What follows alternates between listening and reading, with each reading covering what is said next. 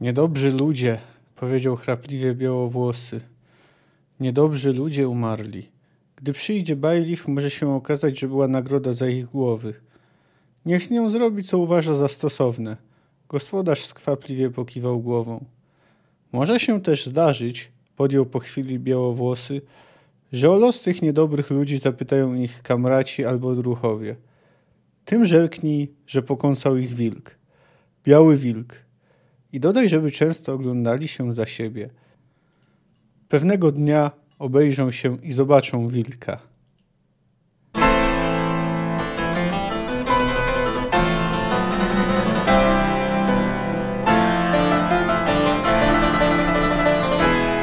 Cześć, jestem Kamil K., a ty słuchasz mojego podcastu Fantastyka Krok po Kroku. Analizuję w nim rozdział po rozdziale lub opowiadanie po opowiadaniu wybrane książki fantastyczne. Zapraszam.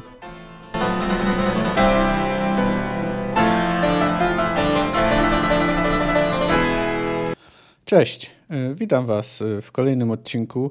No dzisiaj zaczynamy naszą przygodę z czasem Pogardy, czyli już drugim tomem sagi o Wiedźminie. No i powieścią, w której akcja mocno przyspieszy, przynajmniej przez jej pierwszą część, bo jest to książka tak specyficzna, że ona swój punkt kulminacyjny ma w połowie. Dzisiaj jednak mamy taki rozdział wprowadzający, no co nie oznacza, że nic się nie będzie działo. No, czas y, tradycyjnie na krótkie streszczenie treści y, następnego rozdziału. Y, goniec Aplegat jest w trasie. Ma dostarczyć wiadomość od króla Demavenda do króla Foltesta. Trasa wydłuża mu się, bo Foltesta nie ma w Wyzimie. Po drodze w jednej z karczmy ma okazję posłuchać różnych plotek.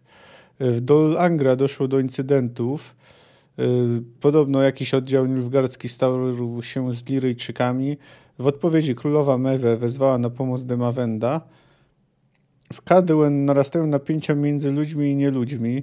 Y, na skutek masakry w forcie, którego rzekomo dokonali Skojatel, y, doszło do pogromu. Y, krążą także wieści o śmierci Ciri i w różnych miejscach podobno obserwowane są upiory. Gdy goniec budzi się rano, spotyka dwie kobiety – młodszą i starszą. To oczywiście Ciri i Yennefer, choć Aplegat nie zna ich imion, aczkolwiek słyszy, jak Yennefer zwraca się do Ciri po imieniu. Y, podczas krótkiej wymiany zdań y, zaspana Ciri w pewnym momencie wróży mu przyszłość, ostrzegając go przed skrzydlatym niebezpieczeństwem. Goniec nie wie oczywiście o co chodzi, ale czuje niepokój i dziwny ból w plecach. E, treść odpowiedzi Foltesta do Nemawenda mówi o wstrzymaniu się z akcją ataku, bo na wyspie Tannet ma się odbyć zjazd czarodziejów, a także dodaje, że potwierdziły się wieści o śmierci Ciri. Gdy Aplegat, wrac, gdy Aplegat jedzie z odpowiedzią Foltesta, e, natrafia na zator na drodze. Jak się dowiaduje od dwóch staruszków, droga była zamknięta, bo blokowała ją Manticora – ale w końcu uporał się z nią białowłosy Wiedźmin. Tego już dowiadujemy się z relacji jakiegoś chłopaka, y, który wyraźnie chce się pochwalić tym, co widział. No i podobno ten Wiedźmin bardzo się targował. No oczywiście wiemy, kto był tym Wiedźminem. Na chwilkę przenosimy się do Geralta, który właśnie budzi się z koszmaru. Widział w nim Ciri jadącą na koniu, która jest dopędzana przez rycerza w skrzydlatym hełmie. Przez długi czas Wiedźmin leży na łóżku, a potem liczy pieniądze y, za zlecenia, jakie wykonał. Potrzebuje ich. Szybko dowiadujemy się, do czego y, są mu potrzebne. Udaje się do lokalu Kordingera, udaje się do lokalu Kodringera i Fena, y, którzy deklarują, że świadczą konsultacje i usługi prawne. De facto to świadczą faktycznie najróżniejsze usługi, pomagając ludziom znajdującym się w kłopotach. Tak na marginesie ludziom, którzy często znajdują się w kłopotach z prawem. E, Wiedźmina wita Kodringer. No, jak tu jeszcze można dodać, że on załatwia rzeczy, które wydają się niemożliwe do załatwienia. E, jak się okazało, mieli oni wraz z Fenem, w którego istnienie Wiedźmin powątpiewa, bo nigdy wcześniej go nie widział, mają zdobyć informację o Ryansie. Udało się ustalić, że studiował przez dwa lata w Akademii Czarodziejów Ban Art. Został stamtąd, został stamtąd wyrzucony za drobne kradzieże. Zaraz po tym, gdy, gdy opuścił szkołę, został zrekrutowany przez wywiad Kedwen. Następnie siedział w więzieniu w Cincze za długi, skąd został przez kogoś wykupiony. Kodringerowi nie udało się ustalić, yy, kto to zrobił. Mm, czytelnik też nie wie, no ale później się oczywiście dowiemy, kto to jest. Kodringer uznaje, że Ryan musi być podwładnym jakiegoś czarodzieja i że może być nilfgaardzkim szpiegiem, jak twierdzi Dijkstra. Odrzuca jednak możliwość tego, że sam czarodziej może współpracować z Nilfgaardem, bo Emir trzyma podległych magów krótko, tymczasem oni u nas mają, y, u nas, y, w Królestwach Północy mają naprawdę dużą władzę. Geralt nie jest pod wrażeniem dostarczonych mu informacji, bo większość rzeczy wiedział. Ale Kodringer dodaje jeszcze, że wprowadził w błąd temerskich agentów, którzy poszukiwali Ciri. Przekonał ich, że dziewczyna nie żyje. Potem przychodzą do miejsca, gdzie znajduje się, no można to nazwać biblioteką. Jest tam wiele książek, stosów różnych manuskryptów i znajduje się tam też Fen. Jest to pozbawiony nóg karzeł, y, który porusza się na fotelu z kółkami. Wyjaśnia Geraltowi, dlaczego pomimo podboju Cintry przez Nil Nilfgaard, Cyrilla pozostaje, można powiedzieć, łakomym kołąskiem. Y, potem prawnicy przedstawiają Wiedźminowi swój plan, według którego można łatwo podważyć e, prawa Ciri do tronu, co ma sprawić, że Królestwem Północy przestanie tak zależeć na usunięciu jej. Według niego e, królowa Kalante e, otruła swojego pierwszego męża Regnera, a potem kombinowała. No a potem kombinowała różne rzeczy, zrobiąc wszystko, aby rządzić Sintrą, chociaż formalnie kobiety w Cintrze rządzić nie mogą. Małżeństwo Pawetty natomiast było mezaliansem, bo jej mąż nie był szlachetnej krwi. Geralt prostuje, że Duny był synem władcy Maecht, Parka, ale Fen, y, który jak widać ma dostęp do wielu dokumentów, nie widzi y, wśród nich syna o takim imieniu, wśród licznej progenitury, jaką spłodził ten władca. Nie widzi go też wśród synów z nieprawego łoża. Geralt w pewnym momencie zadaje pytanie, co to znaczy dziecko starszej krwi. Fen kojarzy ten termin. Y, dosłownie w elfim języku y, powinno się to tłumaczyć jako córka starszej krwi. Y, wie, że o starszej krwi mówi się w niektórych wersjach przepowiedniej Tliny, ale oni tutaj nie mają dostępu do pełnej tekst, pełnego tekstu przepowiedni. Kodringer ucina temat. Wychodzą z Geraldem z z powrotem do kantorka. Gerald orientuje się, dlaczego Kodringer y, nie chciałby Fen się zbytnio rozwodził. Po prostu honorarium było za małe. Y, więc pyta się, ile będzie go to kosztowało. Kodringer chce 10% od zysku w Geralta. Wiedźmin nie działa dla zysku i sam mówi, że nie chce go narażać na straty, bo 10% zera to zero, ale Kodringer nie chce w to uwierzyć. W końcu jednak podesłał 250 koron, co jest podwojeniem sumy, jaką otrzymał od Wiedźmina. Wiedźmin w tym momencie nie dysponuje taką sumą pieniędzy. Adwokat proponuje współpracę, aby się u nich zatrudnił, ale Geralt y, odmawia. Kodringer ostrzega Geralta, mówi mu, że jest w niebezpieczeństwie. Radzi mu się, bo odsunął, y, by y, wrócił do Kaer Moren. I dodaje kolejną propozycję. Chcę postawić Nilfgaardowi jakąś dziewczynę z obozu dla uchodźców, która z wyglądu bardzo przypomina Ciri. Geralt zdecydowanie odrzuca to rozwiązanie. Żąda od Codringera informacji o tym, czy ktoś nie zagraża Ciri i Yennefer. I okazuje się, że faktycznie jadą ich śladem najemne zbiry. Ralph Blunden zwany profesorem, Heimo Kantor i Krótki Jaksa. Codringer twierdzi, że są lepsi od Micheletów. Kodringer mówi mu, że może się nimi zająć, może spróbować odwrócić kontrakt, żeby załatwili Ryansa. No ale Gerald jest uparty. Ma zamiar y, pojechać, y, y, przeciąć im drogę i ich załatwić. No wtedy Kodringer pokazuje mu stalową gwiazdę, czyli Orion, który rzekomo posługują się często Nilfgaardczycy, agenci Nilfgaardzkiego wywiadu.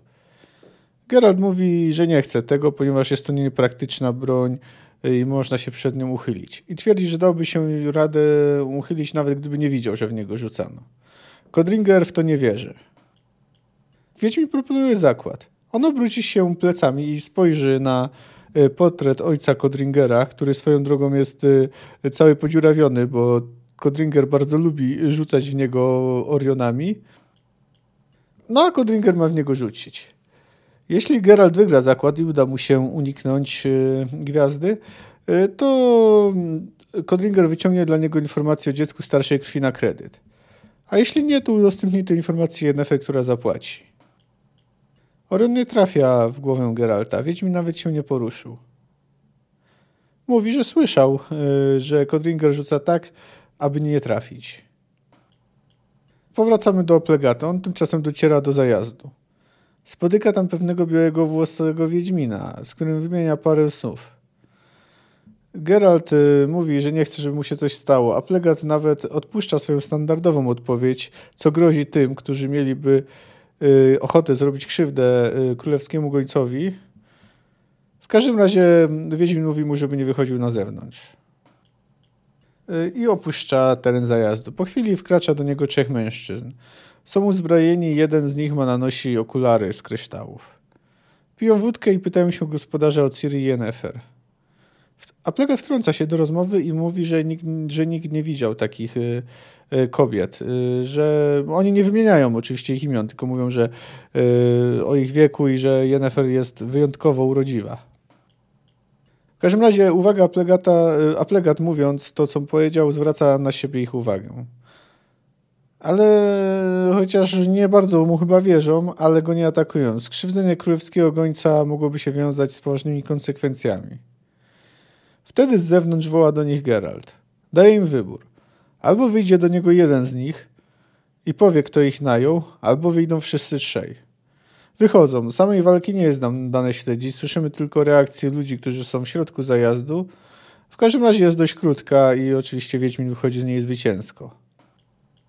Geralt wkracza do zajazdu i mówi, że to, co słyszeliśmy w cytacie na początku – E, żeby oczywiście przekazać druhom zabitych, jeśli się będą niego pytali, e, no, że pokąsał ich biały wilk i żeby uważali na siebie, bo żeby często oglądali się za siebie, go, go też wkrótce zobaczą. A Plegat dociera do stolicy Redanii, Tretogoru. Dociera tam późno, ma nadzieję, że uda mu się przespać, ale przyjmuje go Dijkstra. A Plegat wie, że Dijkstra ma prawo wysłuchiwać nawet wiadomości, które są dostępne, przeznaczone tylko dla uszu króla. Y, Goniec przekazuje mu wiadomość od Demawenda do Wizimira. Y, są w niej trzy informacje. Y, przebierańcy, czyli planowana prowokacja mieć miejsce 2 lipca. Król nie pojedzie na zjazd na Tanet i to samo doradza Wizimirowi. A po trzecie przekazuje informację o śmierci Lwiątka. No, czyli oczywiście chodzi o Ciri. Goniec opowiada też szpiegowe tym, co stało się w zajeździe. Dijkstra nie jest głupi, potrafi połączyć kropki i orientuje się, że skoro Geralt zabił zbóju zbirów na drodze do Tanet, to śmierć Ciri jest mocno wątpliwa. Na koniec rozdziału spotkamy starą znajomą. Toruwiel wraz z dwójką elfów, Kejbre i Jaewinem obserwują drogę. Akurat zmierza nią Aplegat. E, Toruwiel i Jaewin dyskutują się, nawet kłócą się. Toruwiel nie chce mordować cywil, cywila, ale Jaewin jest zdecydowany. Skrzydlate niebezpieczeństwo, przed którym ostrzegała Ciri, dopadło gońca. Ten rozdział faktycznie ma charakter mm, rozdziału wprowadzającego do późniejszych wydarzeń. Gracze polityczni wykonują swoje ruchy, przygotowują się do decydującej rozgrywki, no ale jak widzimy też niekiedy ich planom przeszkadza przypadek. Geralt, tak jak zapowiedział Filipie, że będzie bronić Ciri tak jak potrafi, czyli zabijając, tak właśnie robi. No oczywiście ten rozdział ma de facto dwóch bohaterów. Jednym jest y, goniec, którego będziemy śledzić tylko w tym rozdziale, no bo Aplegat ginie na sam koniec. No nie jest oczywiście może jakoś szczegółowo scharakteryzowany, ale jest całkiem przyzwoicie, nieźle zarysowany. Dowiadujemy się, że ma trzy córki, z czego jedną zamężną, która zresztą wyszła za mm, ponoć ofermę. E, wiemy też, że był poniekąd uzależniony od tego zajęcia, to znaczy zawsze chciał je uprawiać, e, chociaż mógł zająć się oczywiście czymś innym, zwłaszcza, że goniec to jest bardzo niebezpieczny zawód. Ale miał też do niego predyspozycję, wytrzymały tyłek i dobrą pamięć. No jest też dość inteligentny, orientuje się, e, dlaczego królowie wrócili do używania gońców. No bo po prostu przestali ufać magom. Zorientowali się, że magowie prowadzą własne rozgrywki, niekoniecznie i mogą być bardziej lojalni wobec y, magii, wobec swoich jakby organów, niż wobec królów, którym służą. No i oczywiście gońcy też mogą zapamiętać instrukcje, jakie im się udaje, ale jednak oni są tylko pionkami. Oni nie mogą stać się figurami w rozgrywce w przeciwieństwie do czarodziejów. No inna sprawa, że gdyby skorzystano z czarodziejów, być może historia świata potoczyłaby się inaczej. No ale się nie potoczyła. Przy okazji podróża Plegata dowiadujemy się trochę o tym, że ma e, dość wypracowany e, swój schemat pracy. Wie, że jeśli ktoś go pyta, gdzie jechać, to mówi mu, że jedzie skąd i dokąd go królewska wola pośle. No a jeśli ktoś mu próbuje grozić, no to odpowiada spokojnie, e, jakie są konsekwencje ewentualnego skrzywdzenia gońca. Dowiadujemy się też o samych prawach gońców. W każdej karczmie ma on y, prawo zażądać y, świeżego konia. Tu jest to określone jako zwane prawo podwody i ono faktycznie istniało historycznie, y, na przykład w monarchii Bolesława Chrobrego. Generalnie Plegat wydaje się być przyzwoitym człowiekiem. Interweniował w obronie Ciri, mówiąc, chroniąc Ciri i Yennefer. Nie ma do tego obowiązku. Chociaż tu pewną rolę mogło też ogarnąć to przeczucie, to uczucie kucia w plecach, jakie poczuł od czasu, gdy Ciri mm, wywróżyła mu, y, jak zginie. Nawet jeśli sam uznał ją, przynajmniej tak sobie mówił, za umysłowo chorą. Jednak najważniejszą rzeczą, może w historii Plegata, czy też tym, co poznajemy przy okazji e, śledzenia e, losów e, gońca, jest polityka. On jest malutkim trybikiem w maszynie, chociaż no, jak się okazuje miał kluczowe znaczenie. Gdyby nie został zabity, Demafen zostałby uprzedzony o tym, że doszło do zdrady i że należy wstrzymać się y, z próbą prowokacji. No ale widzimy też, że nawet wcześniej pewne wątpliwości pojawił się Foltesta, skoro pisał o tym, żeby wstrzymać się y, z prowokacją, y, przynajmniej dopóki nie zakończy się zjazd na Tanet. No kto wie, może miał jakieś sygnały od wiernych mu czarodziejów. Natomiast idę ma Vendimewy wyraźnie prom do wojny. E, nie wiemy, czy ten incydent, o którym dowiaduje się tu Plegat, to jest ten sam, e, o którym rozmawiali Ciri i Arre, ale jest to całkiem prawdopodobne. No i tu jeszcze jedną rzecz warto dodać, że widzi, mówi, mówi się, w, a Plegat słyszy jeszcze w karczmie o widoku różnych upiorów. O dzikim gonie, ale też o jakimś upiorze, to jest w skrzydlatym hełmie, który podróżuje na rzece. No, możemy z dużym prawdopodobieństwem uznać, że był to Kahir, którego widzieliśmy, chociaż jego imię nie zostało wymienione w poprzednim rozdziale, gdy Emir wydawał mu polecenia.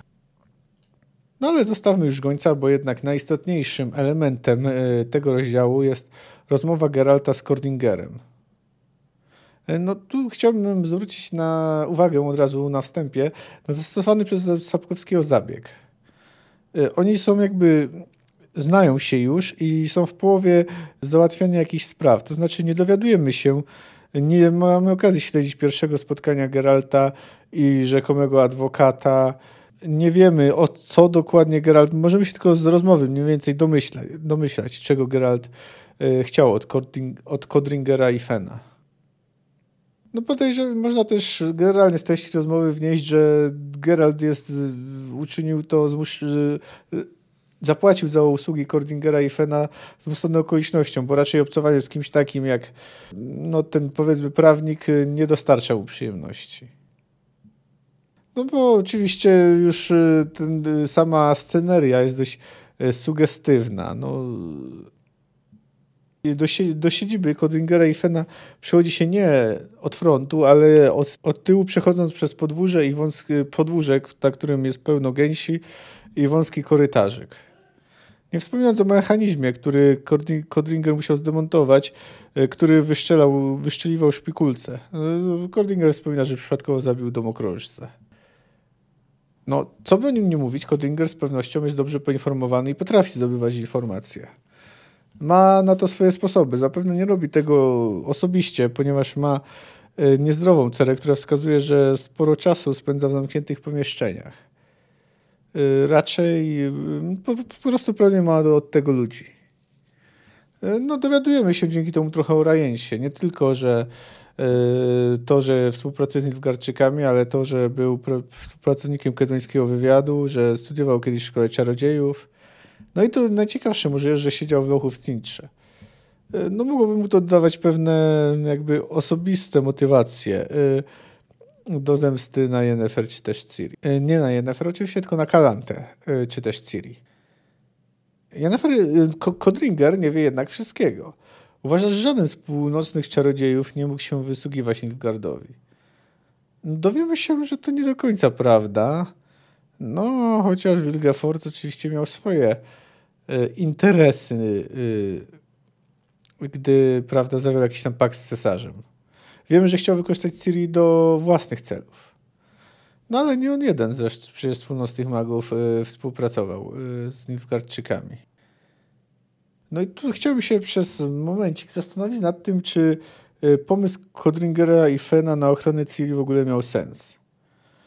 Oni oczywiście, tutaj Fen przyznaje, że z punktu widzenia formalnego ich argument, że Ciri jest dzieckiem z nieprawego łoża nie jest bardzo mocny, ponieważ jakby nie patrzeć, y, Ciri jest y, wciąż, nawet gdyby przyjąć, że jest córką z nieprawego łoża, że jest dzieckiem mezaliansu, Y, no jest jednak krwią Kalantę. A to jest dla Cintryjczyków bardzo istotne. No i ja myślę, że ten plan miał szansę powodzenia. W normalnych okolicznościach taka próba podważenia jej praw do tronu. Oczywiście Kodringer otwarcie deklaruje, że on tylko wskazuje, że je można podważyć, a nie, że walczy przeciwko, przeciwko zdobyciu przez Ciri tron lub o tron dla niej. Y, no ale że można jej podważyć, no to od razu sprawiłoby, że nie byłaby aż tak istotną politycznie figurą, co dawałoby jej szansę na to, że może przeżyć. No ale wtedy Kodringer nie wiedział jeszcze, że Ciri jest jeszcze bardziej specjalna, że ma znaczenie nie tylko politycznie. A gdy się dowiedział, to no, podjął inne działania, o których jeszcze będziemy mieli okazję yy, pomówić. No, ciekawi mnie troszkę, dlaczego adwokat przyjął zakład zaproponowany przez Wiedźmina. No w sumie, chociaż tak patrząc, to jedyną okolicznością, w której mógł stracić, to gdyby zdobył tę informację, a Geralt by zginął e, po drodze. W sumie nie miał, nie podejmował wielkiego ryzyka. Podejrzewam, że zresztą sam był zainteresowany e, tym, o co chodzi dzieckiem starszej krwi. Nie wiem, też nie odczuwał pewnej sympatii do Geralta. No ale oczywiście, żeby było jasne, jeśli nawet, to była to sympatia mocno ograniczona.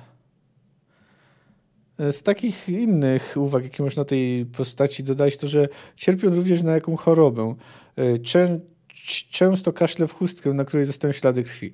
E, dodatkowo ma kota, e, no, który często siada mu na kolanach. Przypomina to trochę scenę z Ojca Chrzestnego, z Marlonem Brando. No jeszcze w tym odcinku nie przytaczałem żadnych cytatów, a trzeba to nadrobić. No bo wiemy, że Sapkowski, już mówiłem o tym wielokrotnie, pisze bardzo dobrze dialogi i tak samo jest z rozmowami Geralta z Kodringerem. Różni ich bardzo wiele. Podejście do moralności. Kodringer nie ma problemu z tym, aby wziąć jakąś nieznaną dziewczynę i, i poświęcić ją jako Ciri. No, zginie, no to co? Natomiast Geralt jak najbardziej jest, jest temu przeciwny. Z tego powodu zresztą nie chce też dla Kodringera pracować. No i tu też jest inną taką znaczącą różnicą jest to, że Kodringer nie może uwierzyć, że ktoś może robić coś nie dla zysku. Nie mieści się to w jego światopoglądzie. No ale tutaj zacznijmy, bo tu właśnie o tych różnicach pomiędzy y, Kodringerem i Geraltem rozmawiają nasi bohaterowie. Otrzymałem twój list. Kodringer i Kocur zmierzyli Wiedźmina żółto-zielonymi spojrzeniami. Odwiedził mnie także Jaskier – Przyjeżdżał przez Dorian kilka tygodni temu. Opowiedział mi co nieco o twoich strapieniach, ale powiedział bardzo mało, za mało. To prawdy? Zaskakujesz mnie. To był pierwszy znany mi przypadek, gdy Jaskier nie powiedział za dużo. Jaskier, Kodringer nie uśmiechnął się, niewiele powiedział, bo i wiedział niewiele. A powiedział mniej niż wiedział, bo po prostu w niektórych sprawach zakazałeś mu gadać. Skąd u ciebie ten brak zaufania? I to względem kolegi w profesji? Geralt żachnął się lekko. Kodringer byłby udał, że nie zauważył, ale nie mógł, bo kot zauważył. Rozwarłszy szeroko oczy, obnażył białe kiełki i zasyczał niemal bezgłośnie. Nie drażnij mojego kota, powiedział adwokat, uspokajając zwierzątko głaskaniem. Poruszyło cię nazwanie kolegą? Przecież to prawda. Ja też jestem Wiedźminem. Ja też wybawiam ludzi od potworów i od potwornych kłopotów. I też robią to za pieniądze. Są pewne różnice. Mruknął Geralt wciąż pod nieprzyjaznym wzrokiem kocura. Są, zgodził się Kodringer. Ty jesteś Wiedźminem anachronicznym, a ja Wiedźminem nowoczesnym, idącym z duchem czasu. Dlatego ty wkrótce będziesz bezrobotny, a ja będę prosperował. Strzyk, wiwern, endriak i wilkołaków wkrótce nie będzie już na świecie. A skurwysyny będą zawsze. Przecież ty wybawiasz od kłopotów właśnie głównie skurwysynów, Kodringer. Mających kłopoty biedaków nie stać na twoje usługi. Na twoje usługi biedaków nie stać również. Biedaków nigdy nie stać na nic, dlatego właśnie są biedakami. Niesłychanie to logiczne, a odkrywcze, że aż dech zapiera. Prawda ma to do siebie, że zapiera. A właśnie, prawdą jest, że bazą i ostoją naszych profesji jest skurwysyństwo. Z tym, że twoje jest już prawie reliktem, a moje jest realne i rosnące w siłę. Tutaj a propos kota jeszcze, yy, tak mi się przypomniało, że w trakcie tej rozmowy Geralt przyznaje, że to, że koty go nie lubią ma jakiś związek z ich mutacjami. Wiemy od Yennefer, że koty to są jedne z niewielu zwierząt, które potrafią wyczuwać magiczną energię, dlatego na przykład często yy, śpią w okolicach intersekcji. Więc można wnieść, że ten kot też coś tam wyczuwa od Wiedźmina. Aha, a tu chciałem się jeszcze odnieść do czegoś, co można wciąż wszędzie spotkać. To znaczy pytań, czy Kodringer był Wiedźminem. W sensie, yy, oczywiście tu tego sobie mówi, ale chodzi w sensie dosłownym, czy przeszedł mutację i tak dalej. Otóż no, nic na to nie wskazuje. Yy, ani jego tryb życia, ani to, co mówi. To jest dla mnie dość oczywiste, że on tu mówi, określa się jako kolega w profesji metaforycznie. Dlatego jeszcze mówi, że E, Geralt oczywiście straci robotę, bo będzie zabijał e, strzygi i tak dalej, a Kodringer radzi sobie z innymi potworami. Zabija potwory, ale nie tak jak Geralt, bo zabija te potwory w postaci ich problemów, czy też na przykład, gdy jakiś dłużnik nie chce zwrócić pieniędzy, to proszę jest potworem. E, generalnie o to chodzi. Oczywiście Geralt zwraca uwagę, komu głównie pomaga Kodringer. Chociaż riposta adwokata nazwijmy go już tak, skoro sam chce się tak nazywać, jest całkiem celna. No zresztą później Kodringer wraca jeszcze y, do tego tematu. Ile Kodringer? Adwokat milczał przez chwilę, bezustannie bawiąc się metalową gwiazdą. 10% powiedział wreszcie. 10% od czego? Nie drwij ze mnie, Wiedźminie. Sprawa robi się poważna. Zaczyna być coraz mniej jasne, o co tu chodzi, a gdy nie wiadomo, o co chodzi, to z pewnością chodzi o pieniądze. Milszy mi wtedy procent niż zwykłe honorarium. Dasz mi 10% od tego, co sam będziesz z tego miał, pomniejszone o już zapłaconą sumę. Spisujemy umowę? Nie. Nie chcę cię narażać na straty. 10% od zera daje zero, Kodringer. Ja, mój drogi kolego, nie będę nic z tego miał. Powtarzam, nie drwij ze mnie. Nie wierzę, żebyś nie działał dla zysku. Nie wierzę, żeby nie kryły się za tym. Mało mnie obchodzi, w co wierzysz. Nie będzie żadnej umowy i żadnych procentów. Określ wysokość honorarium za zebranie informacji. Każdego innego, zakasłał Kodringer, wyrzuciłbym za drzwi, pewnym będąc, że próbuje mnie wykiwać. Ale do ciebie, anachroniczny Wiedźminie, dziwnie jakoś pasuje szlachetna i naiwna bezinteresowność.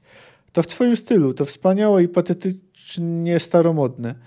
Dać się zabić za darmo. Nie traćmy czasu. Ile, Kodringer? Drugie tyle. Razem pięćset.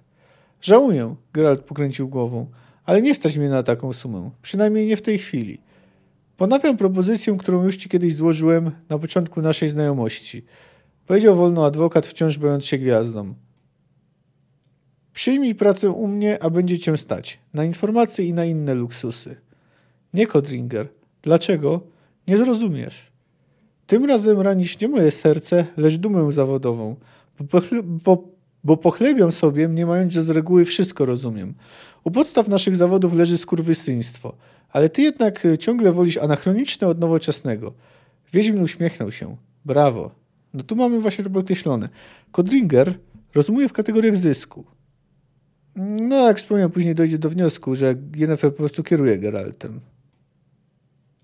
No a jest jeszcze ten jeden element ich dialogu, chyba najostrzejszy taki moralny konflikt między nimi dwoma.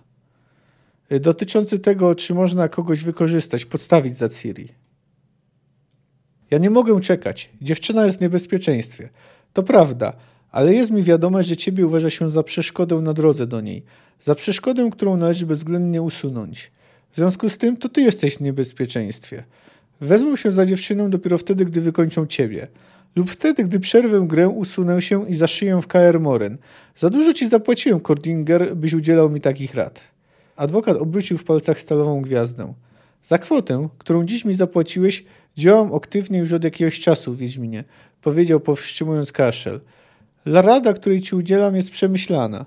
Zaszyj się w Karemoren, zniknij, a wówczas ci, którzy szukają Cyrilli, dostaną ją. Geralt zmrużył oczy i uśmiechnął się.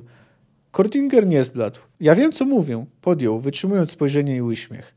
Prześladowcy twojej Ciri znajdą ją i zrobią z nią, co zechcą. A tymczasem i ona, i ty będziecie bezpieczni. Wyjaśnij, proszę. W miarę szybko. Znalazłem pewną dziewczynę. Szlachciankę z Cintry, sierotę wojenną. Przesz przeszła przez obozy dla uchodźców, aktualnie mierzy łokciem i tkaniny, przygarnięta przez sukiennika z bróż. Nie wyróżnia się niczym szczególnym. Prócz jednego. Jest dość podobna do wizerunku z pewnej miniatury przedstawiającej lwiątko z Cintry. Chcesz zobaczyć jej portrecik? Nie, Kodringer. Nie chcę i nie zgadzam się na takie rozwiązanie. Geralt, adwokat przymknął powieki. Co tobą kieruje? Jeśli chcesz ocalić tę twoją Ciri, wydaje mi się, że nie stać cię teraz na luk luksus pogardy. Nie, źle się wyraziłem. Nie stać cię na luksus pogardzania pogardą. Nadchodzi czas pogardy, kolego Wiedźminie. Czas wielkiej, bezbrzeżnej pogardy. Musisz się dopasować. To, co ci proponują, to prosta alternatywa. Ktoś umrze, żeby żyć mógł ktoś. Ktoś, kogo kochasz, ocaleje. Umrze inna dziewczynka, której nie znasz, której nigdy nie widziałeś, którą mogę pogardzać? Przerwał Wiedźmin. Mam za to, co kocham, zapłacić pogardą dla samego siebie? Nie, Kodringer. Zostaw tam to dziecko w spokoju. Niech nadal mierzy sukno łokciem. Jej potrycik zniszcz, spal, a za moje 250 ciężko zarobionych koron, które wrzuciłeś do szuflady, daj mi coś innego. Informację. Jennefer i Ciri opuściły Elander. Jestem pewien, że o tym wiesz. Jestem pewien, że wiesz, dokąd zmierzają. Jestem pewien, że wiesz, czy ktoś podąża ich tropem. No i tutaj właśnie widzimy tą kolejną różnicę pomiędzy nimi. Kodringer pogardza, może pogardzać tymi, którzy mu nie płacą, może ich wykorzystywać i nie ma przy tym żadnych moralnych problemów. Geralt natomiast takie obiekcje ma. Gdyby mm, zgodził się na takie wykorzystanie, skrzywdzenie innej osoby tylko po to, żeby uratować Ciri, pogardzałby samym sobą. Y, co by nie patrzeć na te wszystkie opowieści Wiedźmina, to jednak ma on y, mocno sprecyzowane poglądy moralne i stara się nimi kierować. Zresztą mówił już o tym, y, prawda, Joli, że ma ten swój własny kodeks. No i może już taki ostatni dialog, gdzie mamy stosunek Kordringera do jego ojca, a także jego, można powiedzieć, podejście jego i Geralta do śmierci. Ja wszystkich znam i dlatego coś ci zaproponuję. Zostaw ich w spokoju. Nie jeźdź do Anhor. A ja wykorzystam posiadane znajomości i koneksje. Spróbuję podkupić zbirów i odwrócić kontrakt. Innymi słowy, napuszczę ich na Rajensa. Jeśli się uda... Urwał nagle zamachnął się silnie. Stalowa gwiazda zawyła w locie i z hukiem wyrżnęła w portret prosto w czoło. Kodringera seniora, dziurawiąc płótno i wbijając się w ścianę prawie do połowy. Dobre, co? Uśmiechnął się szeroko adwokat. To się nazywa Orion. Zamorski wynalazek. Ćwiczą od miesiąca, trafią już bez pudła. Może się przydać. Na 30 stóp ta gwiazdeczka jest niezawodna i zabójcza, a ukryć ją można w rękawicy lub za wstążką kapelusza. Od roku Oriony są na wyposażeniu nilfgardzkich służb specjalnych. Haha, jeśli Ryan szpieguje dla Nilfgardu, to będzie zabawne, gdy znajdą go z Orionem w skroni. Co ty na to? Nic, to twoja sprawa. 250 koron leży w twojej jej szufladzie. Jasne, kiwnął głową Kodringer. Traktuję twoje słowa jako daną mi wolną rękę. Pomilczmy chwilę, Geralt. Uczcijmy rychą śmierć pana Rajensa minutą milczenia. Dlaczego się krzywisz, u diabła? Nie masz szacunku dla majestatu śmierci? Mam. Zbyt duży, by spokojnie słuchać drwiących z niej idiotów. Czy ty myślałeś kiedyś o własnej śmierci, Kodringer? Adwokat zakasłał ciężko, długo patrzył na chustkę, którą zasłaniał usta. Potem podniósł oczy. Owszem, powiedział cicho. Myślałem. I to intensywnie. Ale nic ci do moich myśli, Wiedźminie. Lubię ten cytat. No jest po prostu bardzo dobrze napisany, ale też pokazuje troszkę bardziej ludzką twarz Snika Godringera. Oczywiście on przejmuje się e, tylko swoją śmiercią, o śmierci innych yy, mówi dość swobodnie i żartuje z niej też dość swobodnie. Generalnie dla mnie też cały ten dialog wyraźnie przedstawia obrzydzenie Geralta. No, musi się zmuszać, aby rozmawiać e, z Codringerem. No, z kimś tak amoralnym. No ale Geralt y, siebie jest w stanie na tyle poświęcić. No ale nie, oczywiście nie jest w stanie poświęcić y, życia niewinnej dziewczyny, aby uratować y, Ciri. No inna sprawa, że zapewne widzi inne rozwiązania, wie, że inne rozwiązania są możliwe. A tutaj jeszcze tak wracając do Geralta, y, bo wcześniej, po tym jak Geralt budzi się w koszmaru, jest jeszcze taka krótka scena, gdy liczy pieniądze za otrzymane zlecenia. Długo leżał nieruchomo, rozpamiętując sen. Potem wstał, wyciągnął spod poduszki sakiewkę, szybko przeliczył dziesięciokoronówki. 150 za wczorajszą mantikorę, 50 za mglaka, którego zabił na zlecenie wójta z wioski pod Carreras – i 50 za wilkołaka, którego wystawili mu osadnicy z Burdofu. 50 za wilkołaka. Dużo, bo robota była łatwa.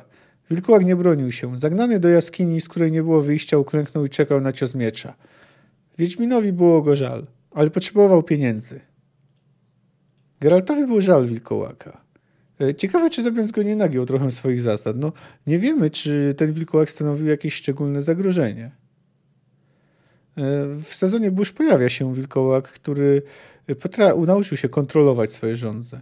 No nie wiemy, jak jest w tym, jak było w tym przypadku. No ale wydaje się jednak, że skoro Geralt zdecydował się go wyeliminować, to miał ku temu powód. No oprócz oczywiście tego, że potrzebował pieniędzy.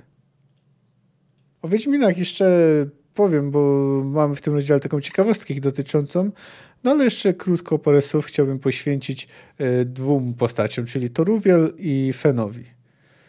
E, zacznę od tego drugiego.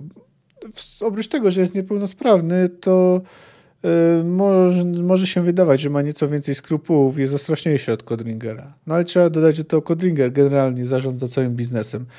Fen to bardziej służy jako taki ekspert analityk. Ale wydaje się, że nie jest aż tak otwarcie cyniczny jak jego współpracownik. Wydaje się, że był gotowy udzielić Geraltowi większą liczbę informacji. No a co do Toruwiel, no to pamiętamy ją z krańca świata. Tam była na początku zapiekła z nienawiści do ludzi. Kopała związanych Geralta i Jaskra. Zniszczyła lutnię u poety.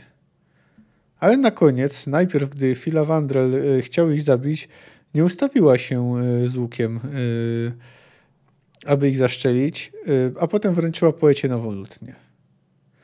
No i wygląda na to, że przemiana, jaką przeszła w tamtym opowiadaniu, była trwała. Bo choć dołączyła do wiewiórek, y, to jest przeciwna zabijaniu aplegata. Próbowała powstrzymać Ewina, najpierw powołując się na fakt, że to cywil, że, że zabijanie cywili to nie jest żadna walka o wolność, a potem próbowała sięgać po racjonalne argumenty, że jak zobaczą trupa, to mogą ich znaleźć, a oni mieli przecież tylko przeprowadzić rekonesans. No cóż, jej argumenty nie podziałały. E, że ludzie boją się i brzydzą Wiedźminów, choć korzystam z usług, to wiemy. Ten schemat pojawia się tu w tym opowiadaniu, gdy Geralt y, y, targował się, jeśli chodzi o cenę za Manticore. Ale bardziej interesujący jest cytat poprzedzający ten rozdział. Pochodzi on z dzieła Encyklopedia Maxima Mundi autorstwa Effenberga i Talbota, no albo przez nich wydane. Wedymini, alias Wiedźmini, wśród Nordlingów tajemnicza i elitarna kasta kapłanów wojowników, prawdopodobnie odłam druidów.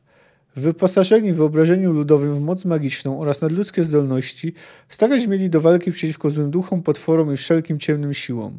W rzeczywistości, mistrzami będąc we władaniu bronią, byli używani przez władyków północy w walkach plemiennych między owymi toczonych.